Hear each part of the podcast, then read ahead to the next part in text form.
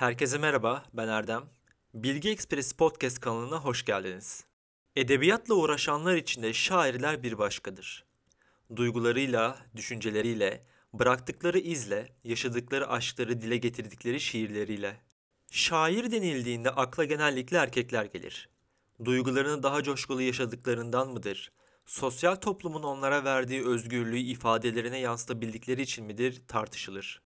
Kavuşulamayan aşklar büyük aşklardır demiş ya şair. Örneklerdeki hayat hikayeleri de bunun ispatı gibi. Bu podcast'te her ne kadar erkek şairler konu edilmiş gibi görünse de bahse konu bu ilhamı veren kadınlardır. Edebiyat tarihimizde büyük şairlere ve büyük şiirlere ilham kaynağı olmuş kadınları, onlara sözcüklerini armağan eden şairleri ve yazdıkları dizeleri, bu şiirlerin yazılmasına neden olan yaşadıkları ortak hayat hikayelerini özetiyle beraber dinleyelim.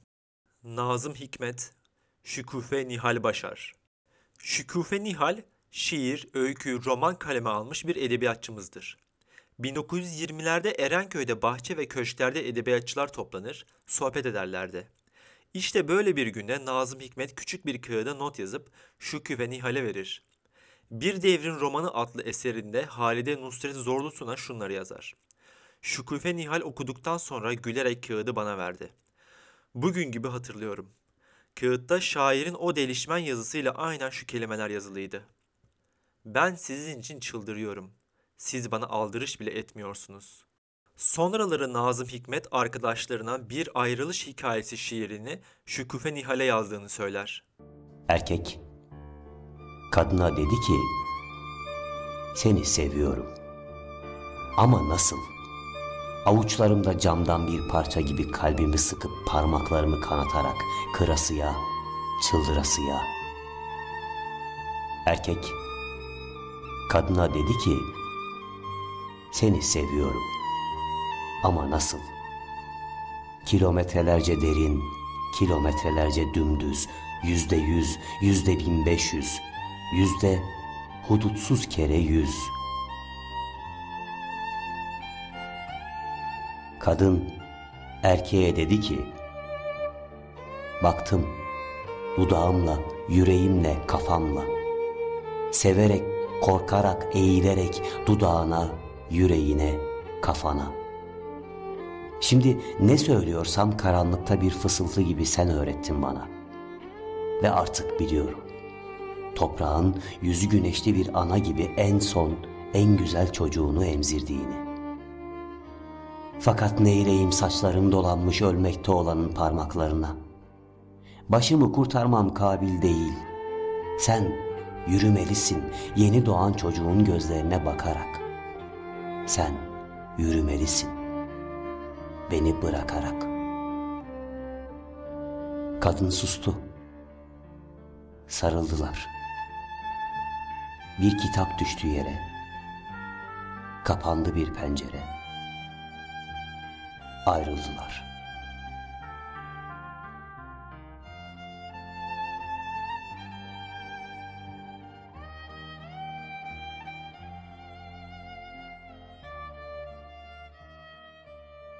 Şükufe Nihal'in hayran kitlesi bir hayli fazlaydı.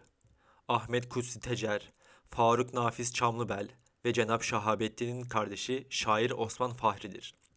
Osman Fahri aşkına karşılık bulamayınca İstanbul'u terk eder. Öğretmenlik yapmak üzere Elazığ'a gider. Karşılıksız aşkı yüzünden 1920'de intihar eder.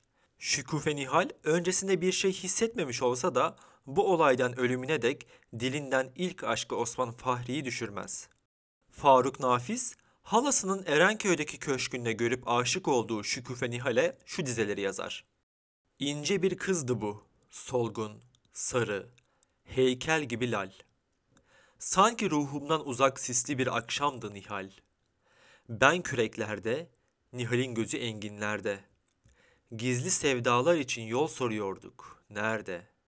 Pınar Kür'ün annesi İsmet Kür, Yarısı Roman adlı eserinde Şükufe Nihal'i şöyle anlatır. Şükufe Nihal hemen her görenin aşık ya da hayran olduğu kadınlardandı. Güzel denemezdi pek. Gözleri çukurdu ve ufaktı. Boyu hiç uzun değildi. Beden çizgileri dikkati çekmekten uzaktı.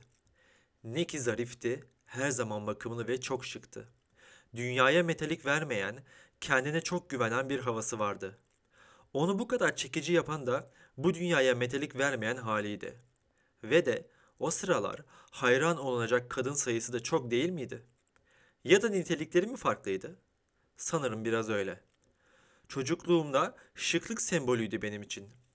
Onun üstünde görüp hayran olduğum kimi renkleri, kimi desenleri hala sevdiğimi biliyorum. Çok kaprisli bir kadındı. Biraz cıvıltıya benzeyen, kendine özgü ve de hoş konuşma biçimi vardı. Cemal Süreya, Tomris Uyar Deneme ve öykü yazarı Tomris Uyar, Ülkü Tamer ile evlendikten sonra Varlık ve Yeni dergide yayımlanacak çeviriler hazırlar.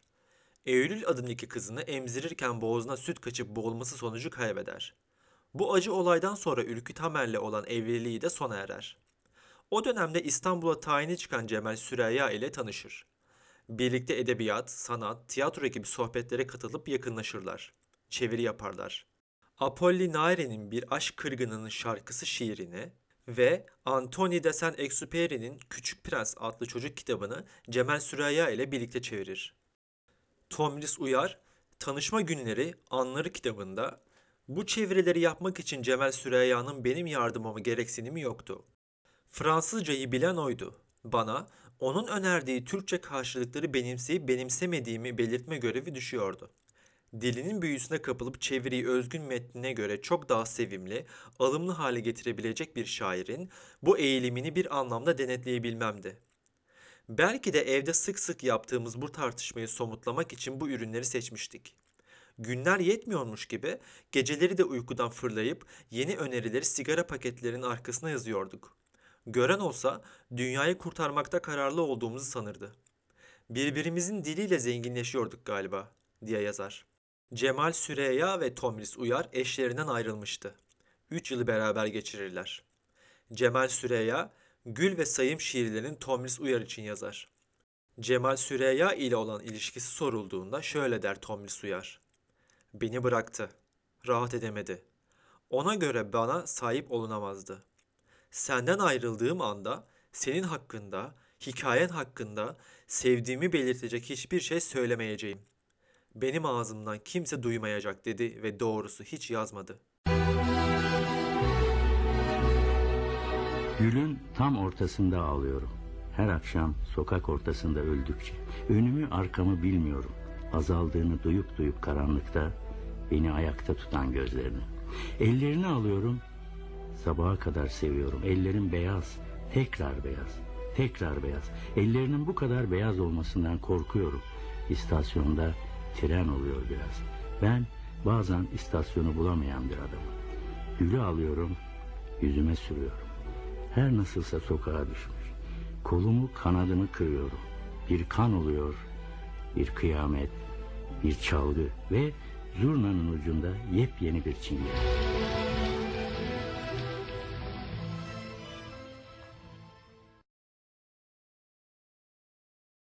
Ay ışığında oturuyorduk. Bileğinden öptüm seni. Sonra ayakta öptüm. Dudağından öptüm seni. Kapı aralığında öptüm. Soluğundan öptüm seni. Bahçede çocuklar vardı. Çocuğundan öptüm seni. Evime götürdüm yatağımda. Kasığından öptüm seni. Başka evlerde karşılaştık. İliğinden öptüm seni. En sonunda caddelere çıkardım. Kaynağından öptüm seni. Turgut Uyar, Tomris Uyar. Cemal Süreyya'dan ayrılmak üzereydim.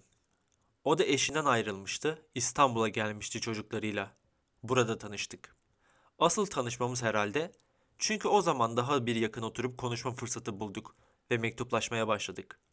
Bu mektuplar önce sadece şiir üzerine mektuplardı. Hala duruyor bende.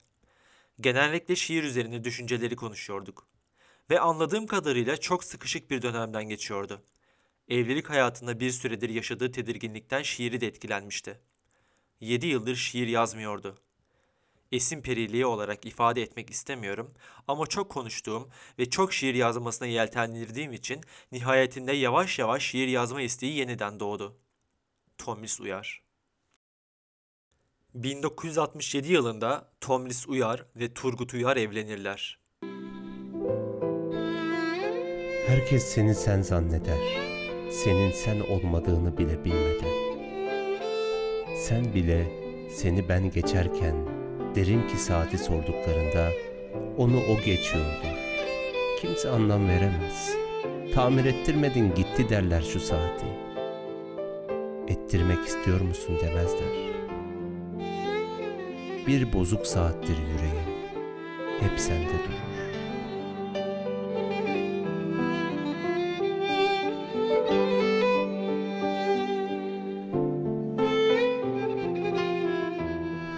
Zamanı durdururum yüreğimde.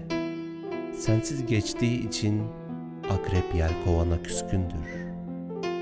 Şu bozuk saat çalışsa benim için ölümdür. Bil ki akrep yelkovanı geçerse atan bu yüreğim durur. Bırak bozuk kalsın, hiç değilse bir bozuk saattir yüreğim.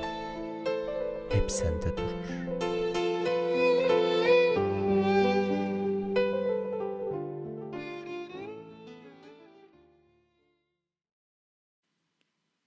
Üç kere üç dokuz eder bilirsin. Birin karesi birdir. Karekökü de bilirsin. Mutlu aşk yoktur. Bilirsin.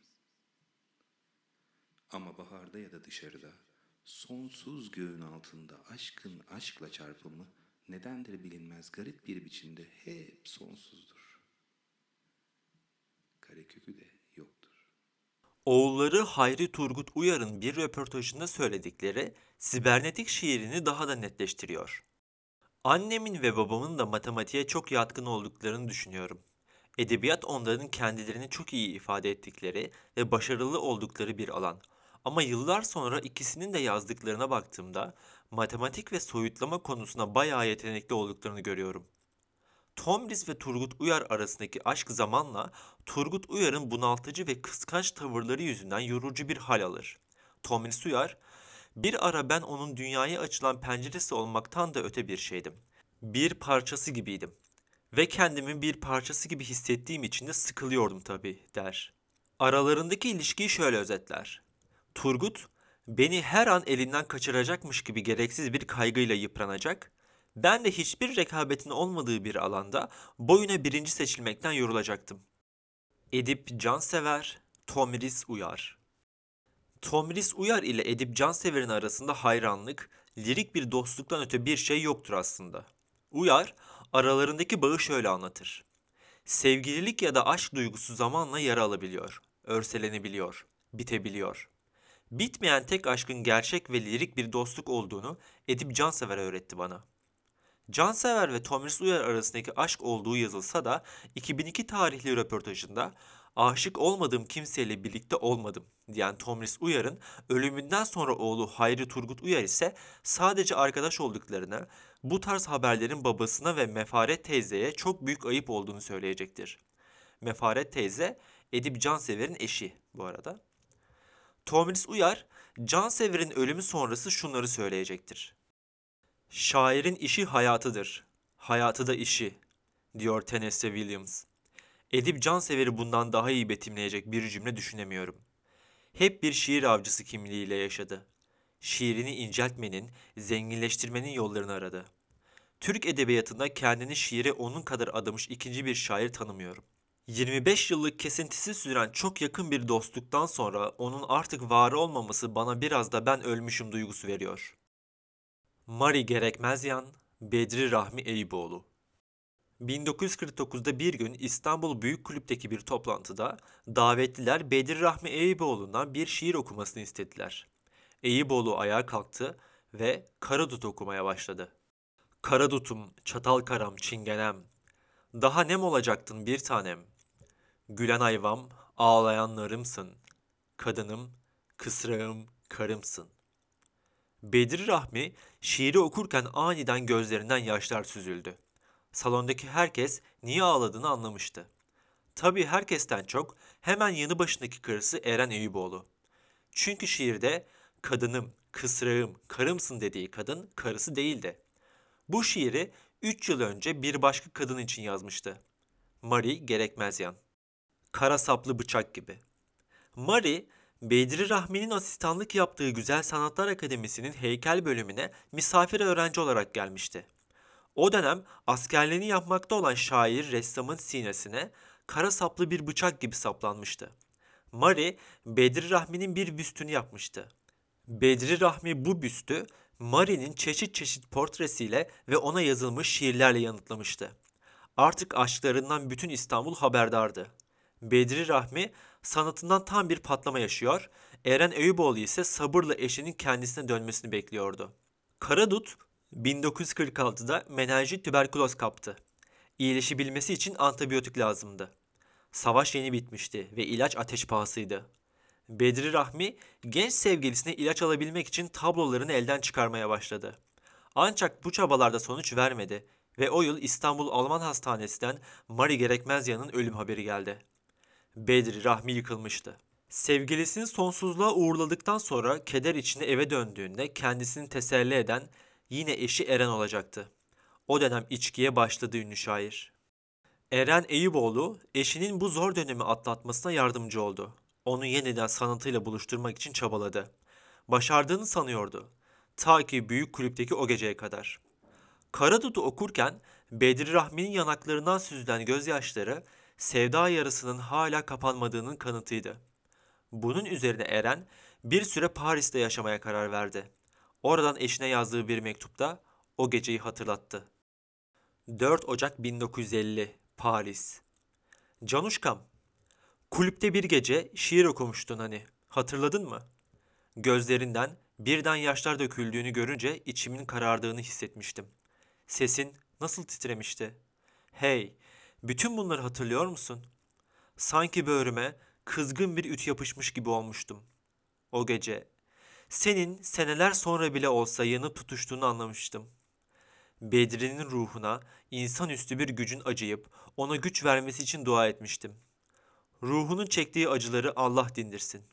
Allah sana resim yapma sevinci versin ve bizim yanımızda yaşamaktan mutluluk duyabilmeni sağlasın. Eren Bu dualar işe yaradı. Bedri Rahmi 11 yaşındaki oğluyla eşine döndü. 1974'teki ölümüne kadar geçen çeyrek asrı aynı evde çalışıp üreterek diz dize birlikte tükettiler. Atilla İlhan, Maria Mistakyan Atilla İlhan 1949 yılında üniversite 2. sınıftayken ilk kez Paris'e gider. Bu seyahatten sanatı ve şiiri derinden etkilenir. Fransız toplumu ve orada bulunduğu çevreye ilişkin gözlemleri daha sonraki eserlerinde yer alan birçok karakter ve olaya temel oluşturur. 1951 yılında Gerçek Gazetesi'nde bir yazısından dolayı kovuşturmaya uğrayınca Paris'e tekrar gidecek, 1950'li yılları İstanbul, İzmir, Paris üçgeni içerisinde geçirecektir. Paris'te dedeleri Yozgatlı olan Ermeni asıllı Fransız Maria Misakyan ile tanışır. Atilla İlhan Türkiye'ye dönmek zorunda kalınca Misakyan'ı getirmek ister. Ancak pasaportu olmadığı için getiremez. Sürekli mektuplaşırlar. Onu getirmek için uğraşsa da başaramaz. Zamanla mektuplar seyrekleşir. Daha sonra Maria'nın bir müzisyenle evlenip çocukları olduğunu, mutsuzluktan alkolik olduğunu öğrenir. Yağmur Kaçağı şiir kitabının içindeki kendisini de olayın kahramanı olarak dahil ettiği Maria Misakyan şiirinin sayfasını imzalayıp ona gönderir. Bu son görüşmeleri olur.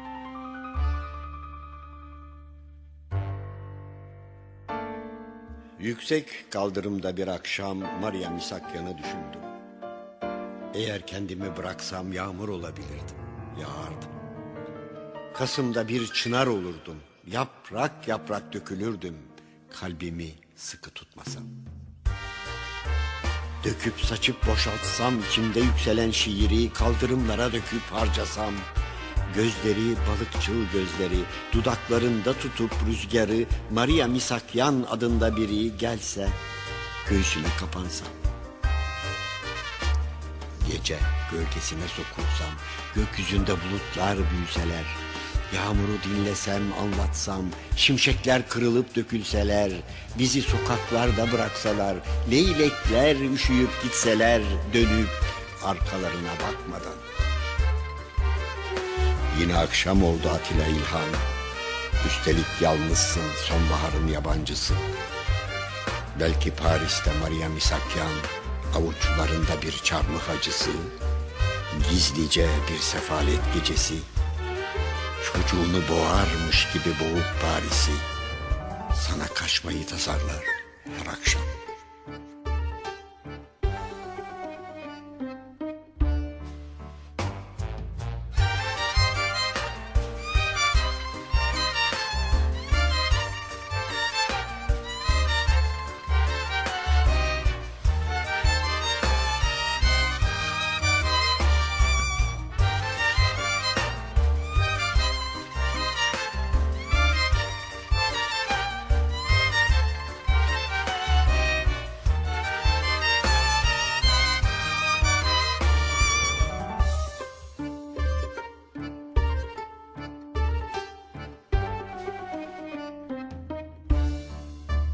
Orhan Veli Kanık, Nahit Fıratlı.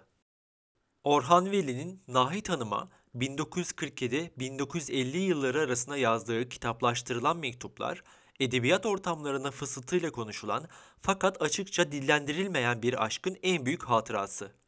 Orhan Veli'nin bir de sevgilim vardır pek muteber, ismini söylemem, edebiyat tarihçisi bulsun dizeleriyle anlattığı bu gizemli sevgili Nahit Hanım tarafından senelerce saklanan mektuplar ile resmen gün yüzüne çıkar.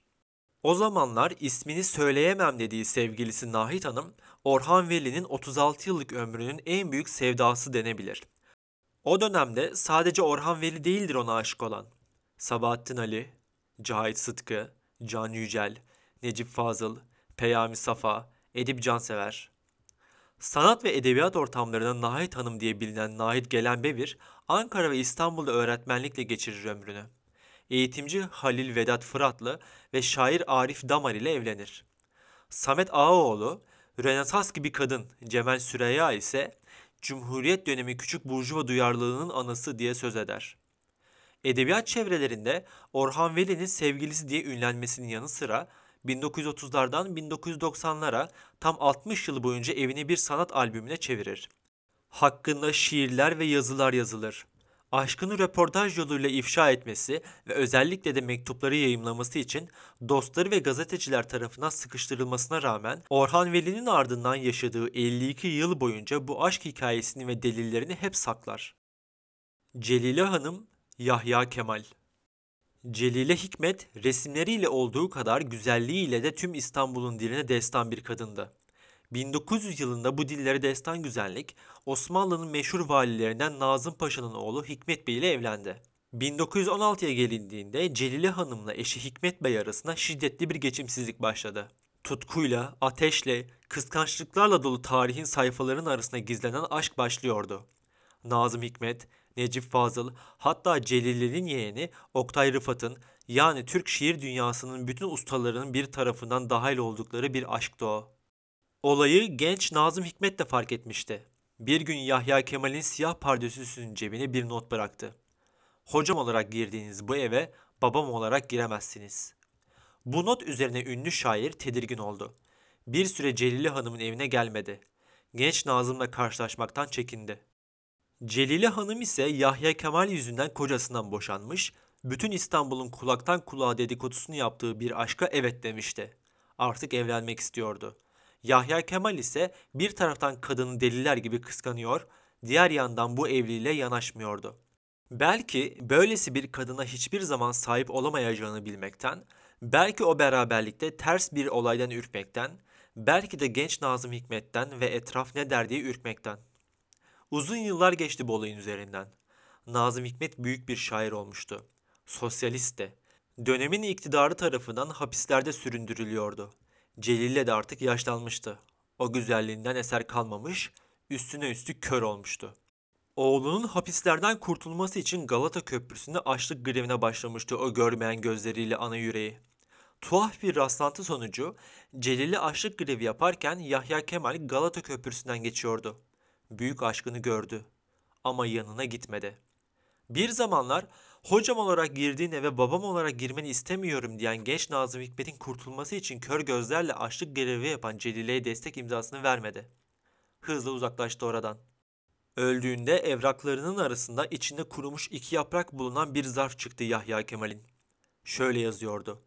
Bu zarfın içindeki hatıra 19 Ağustos 1930'da Sirkeci Garı'nda gece saat 10'da veda ettiğim aziz bir kadının göğsündeki çiçektendir. Koparıp verdiği bu iki yaprağı daima muhafaza edeceğim. Celil'i muhtemelen bu aşkın devam etmeyeceğini anladığı gece Paris'e giderken Sirkeci Garı'na vermişti Yahya Kemal'e göğsünde duran o iki yapraklı çiçeği. Yahya Kemal'in Sessiz Gemisi hep ölüme yazılmış bir şiir olarak bilinir. Oysa demir alıp bu limandan kalkan gemi Yahya Kemal'in hayatındaki en büyük aşkı olan Celillisinin adadan gemiyle İstanbul'a uzaklaştığı esnada yaşadığı çaresizliği anlatır. Sessiz gemi. Artık demir almak günü gelmişse zamandan. Meçhule giden bir gemi kalkar bu limandan. Hiç yolcusu yokmuş gibi sessizce alır yol. Sallanmaz o kalkışta ne mendil ne de bir kol. Rıhtımda kalanlar bu seyahatten elemli. Günlerce siyah ufka bakar gözleri nemli. Biçare gönüller, ne giden son gemidir bu. Hicranlı hayatın ne de son matemidir bu. Dünyada sevilmiş ve seven nafile bekler. Bilmez ki giden sevgililer dönmeyecekler. Birçok gidenin her biri memnun ki yerinden. Birçok seneler geçti dönen yok seferinden.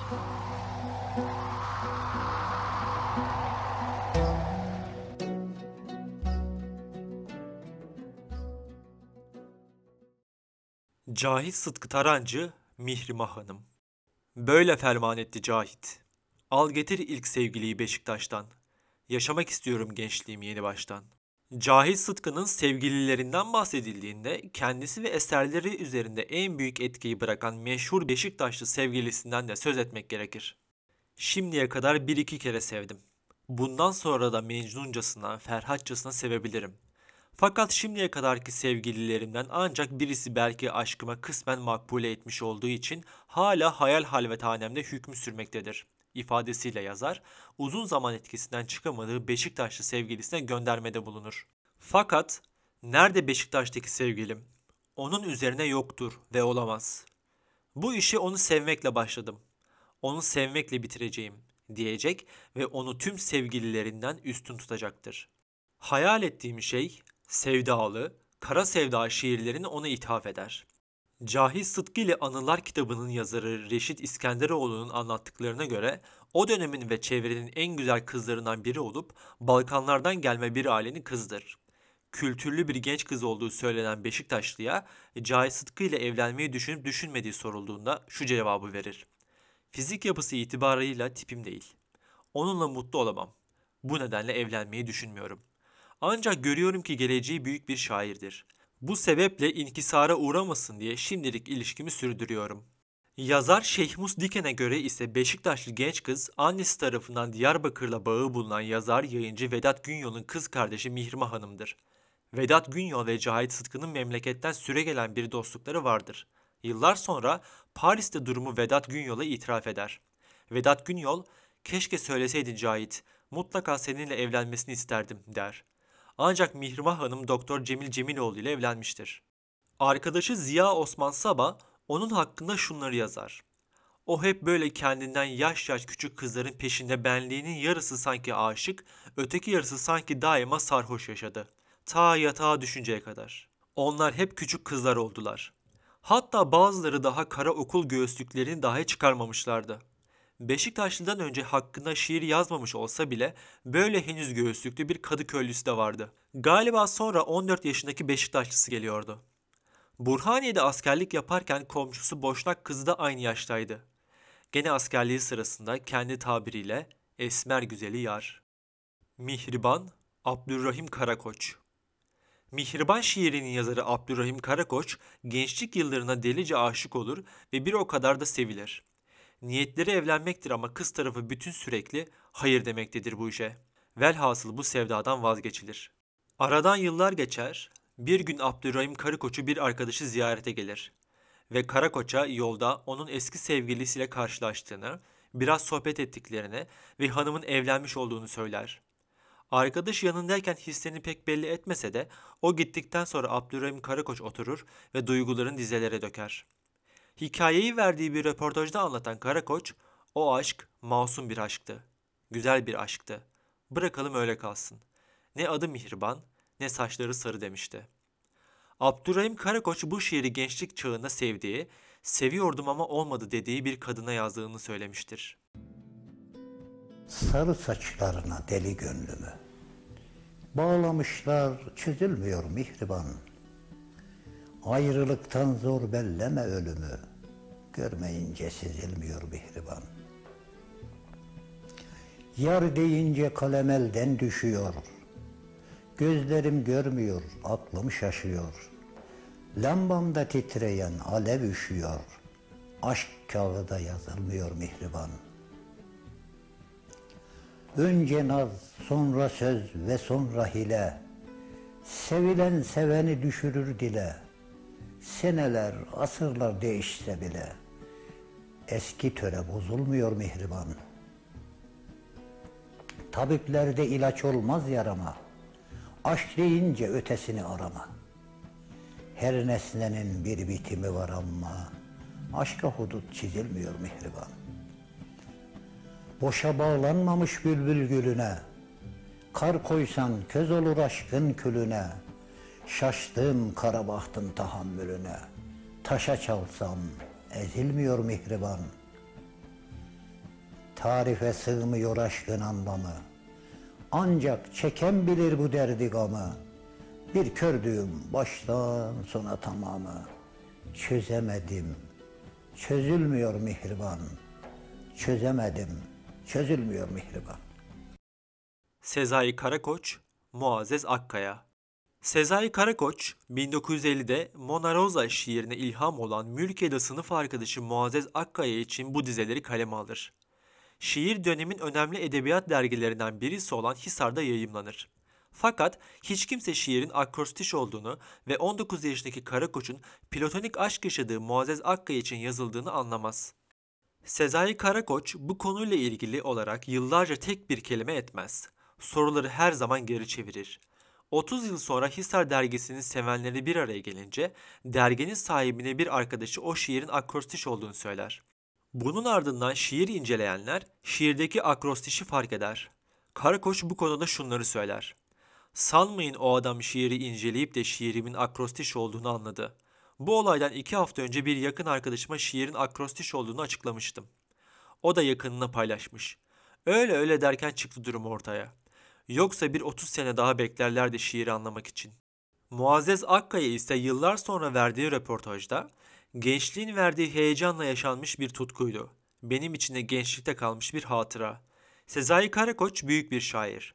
Bu tutkusu devam ediyor mu bilmiyorum. Benim için tarihe mal olmuş bir aşk, bir şiir ve hep böyle kalacak. Ben okuldan sonra mutlu bir evlilik geçirdim. O döneme ait fotoğrafların çoğunu imha ettim. Keşke saklasaydım diyorum bazen. Kendisiyle hiç görüşmedim. 15 yıl önce bir arkadaşım görüşmüş, onun aracılığıyla haber aldım. Kendisine, bana olan sevdasına, aşkına hep saygı duydum. Okul yıllarında da bana olan ilgisini fark etmiştim. Bu şiir yazdığında da biliyordum. Ama ben aynı yakınlığı duymamıştım diyecektir. Muazzez Hanım bu aşkı bildiğini söylerken aynı okulda okuyan Cemal Süreyya'nın da kendisine aşk şiirleri yazdığını itiraf eder.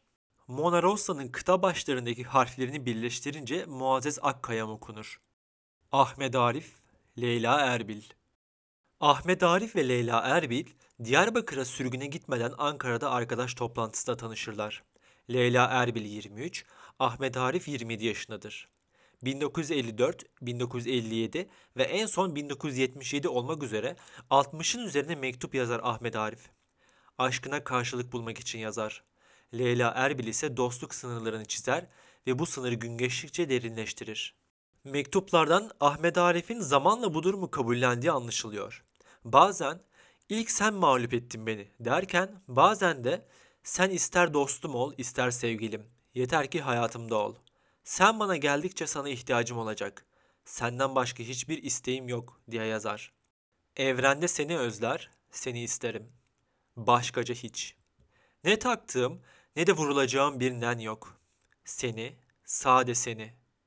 Kulluğum, divaneliğimle ellerini, gözlerini öperim. Öpüyorum ama doyamıyorum. Mutluluk ya da cehennem bu galiba. Sana doymak korkunç ahmaklık olur. Hadi gel. Gözlerimi öptüğün bir gerçek mi? Onların dudaklarına layık olması için ne yapayım bilmem ki. Korkunç azaptayım. Öylesine hülya, kutsal ve uzaksın ki Allah kahretsin beni. Hasretinden prangalar eskittim. Ay karanlık şiirlerini onun için yazar. Hatta Leyla Erbil, Mehmet Erbil ile evlendiğinde düğün hediyesi olarak da bir şiir yazar. Şairin Leylim diye hitap ettiği Leyla Erbil mektupları hayattayken yayımlamaz. Muhtemel ki Ahmet Arif'in ailesini incinmekten ya da büyük şairin aşkıyla gündeme gelmek istemez. Sonra yayınlanmaya karar verse de kitabı Leylim Leylim görmeden yaşama veda eder.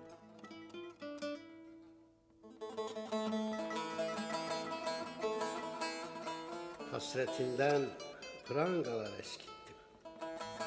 Seni anlatabilmek seni iyi çocuklara, kahramanlara seni anlatabilmek seni namussuza haldan bilmez kahpe yalana. Ard arda kaç zemheri kurt uyur, kuş uyur. Zindan uyurdu. Dışarıda gürül gürül akan bir dünya. Bir ben uyumadım. Kaç leylim bahar. Hasretinden prangalar eskittim. Saçlarına kan gülleri takayım. Bir o yana, bir bu yana. Seni bağırabilsem seni dipsiz kuyulara akan yıldıza bir kibrit çöpüne varana okyanusun en ıssız dalgasına düşmüş bir kibrit çöpüne. Yitirmiş tılsımını ilk sevmelerin. Yitirmiş öpücükleri payı yok apansız inen akşamdan. Bir kadeh bir cigara dalıp gidene. Seni anlatabilsem seni yokluğun cehennemin öbür adıdır üşüyorum kapama gözlerini Özdemir Asaf, Mevhibe Bayat. Özdemir Asaf, 1946 yılında kızları Seda Auro'nun deyimiyle en tutkulu aşkı Sabahat Selma Tezakın ile evlenir. 1954 yılında ise Türkiye'nin ilk kadın fotoğrafçısı Yıldız Moran ile tanışır. Evli olmasına rağmen Moran ile arkadaşlığını devam ettirir. Bu dönemde Özdemir Asaf hayatına üç kadının aşkını sığdırmaya çalışmaktadır. Bu kadınlardan üçüncüsü ise şairin edebiyat matinelerine noktaladığı ünlü şiiri Lavinia'nın ithaf edildiği Mevhibe Bayat'tır. Mevhibe Bayat 1958-1959 yıllarında Güzel Sanatlar Akademisi'nde okurken Mücap Ofluoğlu'nun da rol aldığı Julia adlı oyunun giysilerini çizer. Mevhibe Bayat sanat çevrelerinde boy gösterdikçe ona aşık olan insan sayısı da artar. İlhan Selçuk, Özdemir Asaf'ın Mevhibe Bayat'a olan aşkını şöyle ifade eder. Lavinia'ya aşıktı Özdemir. Kral Latinius'un kızıydı Lavinia. Vergilius'a göre Roma yakınındaki 13 sunaklı tapınağıyla ünlü Lotinium kenti Lavinia'nın onuruna kurulmuştu. Özdemir sevdiği kız için uzun yıllar dillerde dolaşan Lavinia şiirini yazdı. Mevhibe Hanım Güzel Sanatlar Akademisi'nde okurken güzelliğiyle çevresini etkileyen biridir. Hayran kitlesi bir hayli fazladır. O dönem sinema yıldızlarından Rita Hayworth'a benzetildiğinden onun filmine atfen Gildi diye çağrılmış. Uzaktan akrabası olan Oktay Akbal sayesinde şairler dünyasını tanır. İlhan Selçuk da aşıktır. Zaten Mevhibe Bayat ilk evliliğini onunla yapar. Özdemir Asaf'ın eşi bu durum karşısında 1958 yılında İsveç'e gider. Asaf, İsveç'e yolladığı mektuplarından birinde eşine Mevhibe Bayat ve Yıldız Moran için senelerdir süren hikayeler diye yazar. Çiftin arasında Özdemir Asaf'ın yok etmeye çalıştığı uzaklık 1961 yılında boşanma ile biter. Özdemir Asaf 1962 yılında Yıldız Moran ile evlenir. Sana gitme demeyeceğim. Üşüyorsun, ceketimi al. Günün en güzel saatleri bunlar. Yanımda kal. Sana gitme demeyeceğim. Gene de sen bilirsin. Yalanlar istiyorsan yalanlar söyleyeyim. İncinirsin. Sana gitme demeyeceğim ama gitme. Lavinia. Adını gizleyeceğim. Sen de bilme. Lavinia. Piraye, Nazım Hikmet. Hayatından pek çok kadın geçmiş Nazım'ın. Pek çok kadınla birlikte olmuş ancak hiç kimse bir piraye olamamış onun gönlünde. Öyle ki bir mektubunda pirayeye sen benim en yakın insanımsın diyor Nazım. Üstelik bu öyle sıradan bir mektup da değil. Bir terk edişim mektubu. Nazım, kardeşi Samiye Hanım'ın arkadaşı olan kızıl saçlı, bembeyaz tenli pirayeyi görür görmez aşık oluyor. Ancak ne Piraye'nin ailesi Nazım'ı ne de Nazım'ın ailesi Piraye'yi istiyor. Ne de olsa Piraye evli, iki çocuklu bir kadın. Nazım ise beş parasız komünist bir şair. Dayanamıyor nihayetinde Piraye, 1932 senesinde evlenmeye karar veriyorlar. Gizli saklı Piraye ile evlenip İstanbul'a yerleşiyorlar. 17 Ocak 1938 senesinde bir gece yarısı Nazım polisler tarafından alınarak Ankara'ya götürülüyor. 15 yıl hapis cezasına çarptırılıyor. Yıllar geçiyor. Piraye ile Nazım gönüllerindeki bu aşkı ve özlemi mektuplarla bastırmaya devam ediyor. Ta ki Nazım'ın gönlü başka bir kadına kayana kadar. Nazım'ın Piraye ile evlendiği günlerde Fransa'dan dönen dayısının kızı Münevver ile yıllar sonra tekrar görmesiyle birlikte kendisinden 16 yaş küçük, kumral, yeşil gözlü bir kadına aşık oluyor. Bu duruma daha fazla dayanamayan Nazım, yıllardır büyük bir sadakatle kendisini bekleyen hayat arkadaşı Piraye'yi bir mektupla terk ediyor. Mektubunun sonunda da beni affet bile demiyorum. Her şeye rağmen beni herkesten ziyade anlayacak olan insanın yine sen olduğuna eminim der. Piraye yıllardır bir umutla sevdiği adama kavuşacağı günü beklerken onun ayrılık isteğiyle adeta kahrolmuştu. Üstelik Nazım o kadar iyi tanıyordu ki hayatında bir kadın olduğunu da adı gibi biliyordu. Bunca şeye rağmen oldukça gururlu olan Piraye ilk celsede boşalmaya karar verdi. Ancak bir yandan Nazım'ın hayatındaki kadını merak ediyordu. Ressam Nurullah Berk ile evli olan Münevver ise Nazım'ın cezaevinden çıkamayacağını anlayınca eşinden boşanmaktan vazgeçmişti. Sonunu bilmediği bu aşk macerasına atılmaya cesaret edememişti. Nazım ise aşkını kaybetmenin acısıyla sarsılırken bir yandan da onu tüm benliğiyle seven ve bekleyen Piraye'yi de kaybetmişti. Nazım bu pişmanlık ve acıyla Piraye'ye yeniden mektuplar yazmaya başladı. Fakat Nazım'ın bu pişmanlık dolu mektupları karşılıksız kalmıştı. Piraye'den cevap alamayan Nazım bu sefer oğlu Mehmet'e mektuplar yazmaya başlamıştı. Piraye'nin ziyaretine gelmemesi durumunda intihar edeceğini dahi söylüyordu. Piraye bir gün bütün bu ısrarlara dayanamayarak çocuklarını da alıp Nazım'ı ziyarete gitti. Ancak Nazım'ın karşısındaki eski Piraye yoktu. Bu karşılaşmanın ardından ara sıra mektuplaşsalar da ne Piraye eski Piraye'ydi ne de Nazım eski Nazım. Piraye ile artık bir araya gelemeyeceğini anlayan Nazım açlık grevine başladı ve sağlığının kötüye gitmesiyle hastaneye yatırıldı. O zamanlar özel bir afla hapishaneden çıkacağına olan inancını tekrar kazanan Nazım Münevver ile görüşmeye başladı. Piraye ise Nazım'ı ziyarete gelmişti. Bu sırada kapı açıldı ve içeriye Münevver girdi. Nazım'ın aşık olduğu kadının Münevver olduğunu anlayan Piraye apar topar hastaneyi terk etti. Bu Nazım'ın kızıl saçlı Piraye'yi son görüşüydü. Boşanma 1951 senesinde gerçekleşti ve hemen ardından Münevver bir erkek çocuğu dünyaya getirdi. Piraye bu ayrılığın ardından tek bir söz etmemiş, tek bir gazeteye dahi konuşmamıştı. Nazım'la ilgili ne varsa ölen dair kalbine saklamıştı.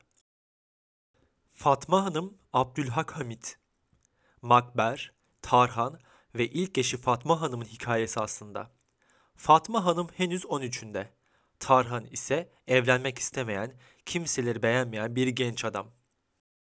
Fahriye abla Ahmet Muhip Dranas Şairin annesinin arkadaşı ve komşuları olan Fahriye Hanım'a yazdığı ve eşinin evlendiğimizde o kadın 70 yaşındaydı. Ben Fahriye ablayı hiç kıskanmadım dediği şiir, edebiyatımızın en bilinen şiirlerinden biri olmuştur.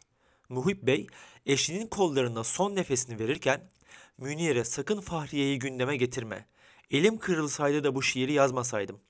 Sen bu konuyu kimseye açma. bu konuyu film yapmak isterler. Sakın yaptırma, mani ol diye vasiyet etmişti. Hava keskin bir kömür kokusuyla dolar, kapanırdı da gün batmadan kapılar. Bu afyon ruhu gibi baygın mahalleden hayalimde tek çizgi bir sen kalmışsın sen. Hülyasındaki geniş aydınlığa gülen, gözlerin, dişlerin ve akbak gerdanınla ne güzel komşumuzdun sen Fahriye abla.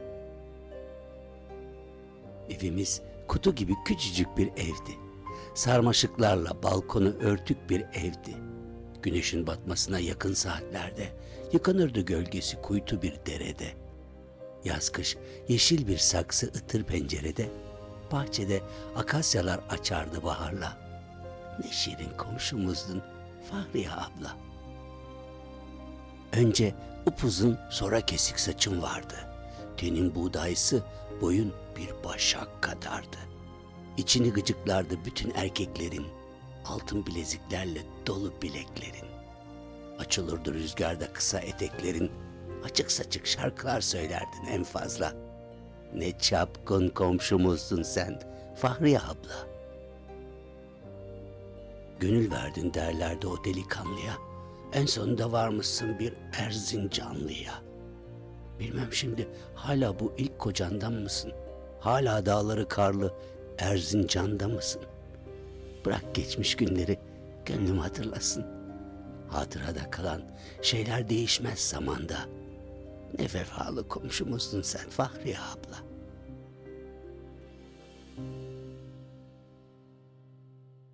Ayten, Ümit Yaşar Oğuzcan. Ayten, şairin İş Bankası'nda çalışırken tutulduğu kendinden oldukça ufak stajyer bir kızdır. Evli olan Oğuzcan, Ayten'e olan tutkusunu dizelere şöyle dökmüştür. Ben bir Aytendir tutturmuşum. Ah ne iyi. Aytenli içkiler içip sarhoş oluyorum ne güzel. Hoşuma gitmiyorsa rengi denizlerin biraz Ayten sürüyorum, güzelleşiyor. Şarkılar söylüyorum, şiirler yazıyorum Ayten üstüne. Saatim her zaman Ayten'e beş var. Ya da Ayten'i beş geçiyor. Ne yana baksam gördüğüm o. Gözümü yumsam aklımdan Ayten geçiyor. Bana sorarsanız mevsimlerden Ayten'deyiz. Günlerden Ayten ertesidir. Odur gün gün beni yaşatan. Onun kokusu sarmıştır sokakları. Onun gözleridir şafakta gördüğüm. Akşam kızıllığında onun dudakları. Başka kadını övmeyin yanımda gücenirim. Ayten'i övecekseniz ne ala. Oturabilirsiniz. Bir kadehte sizinle içeriz. Aytenli iki laf ederiz. Onu siz de seversiniz benim gibi. Ama ama ya ama yok. Ayten'i size bırakmam. Alın tek kat elbisemi size vereyim. Cebimde bir on liram var. Onu da alın gerekirse. Ben Ayten'i düşünürüm, üşümem. Üç kere adını tekrarlarım, karnım doyar. Parasızlıkta bir şey mi? Ölüm bile kötü değil Aytensizlik kadar. Ona uğramayan gemiler batsın. Ondan geçmeyen trenler devrilsin. Onu sevmeyen yürek taş kesilsin. Kapansın onu görmeyen gözler. Onu övmeyen diller kurusun. İki kere iki, dört. Elde var Ayten. Bundan böyle dünyada aşkın adı Ayten olsun.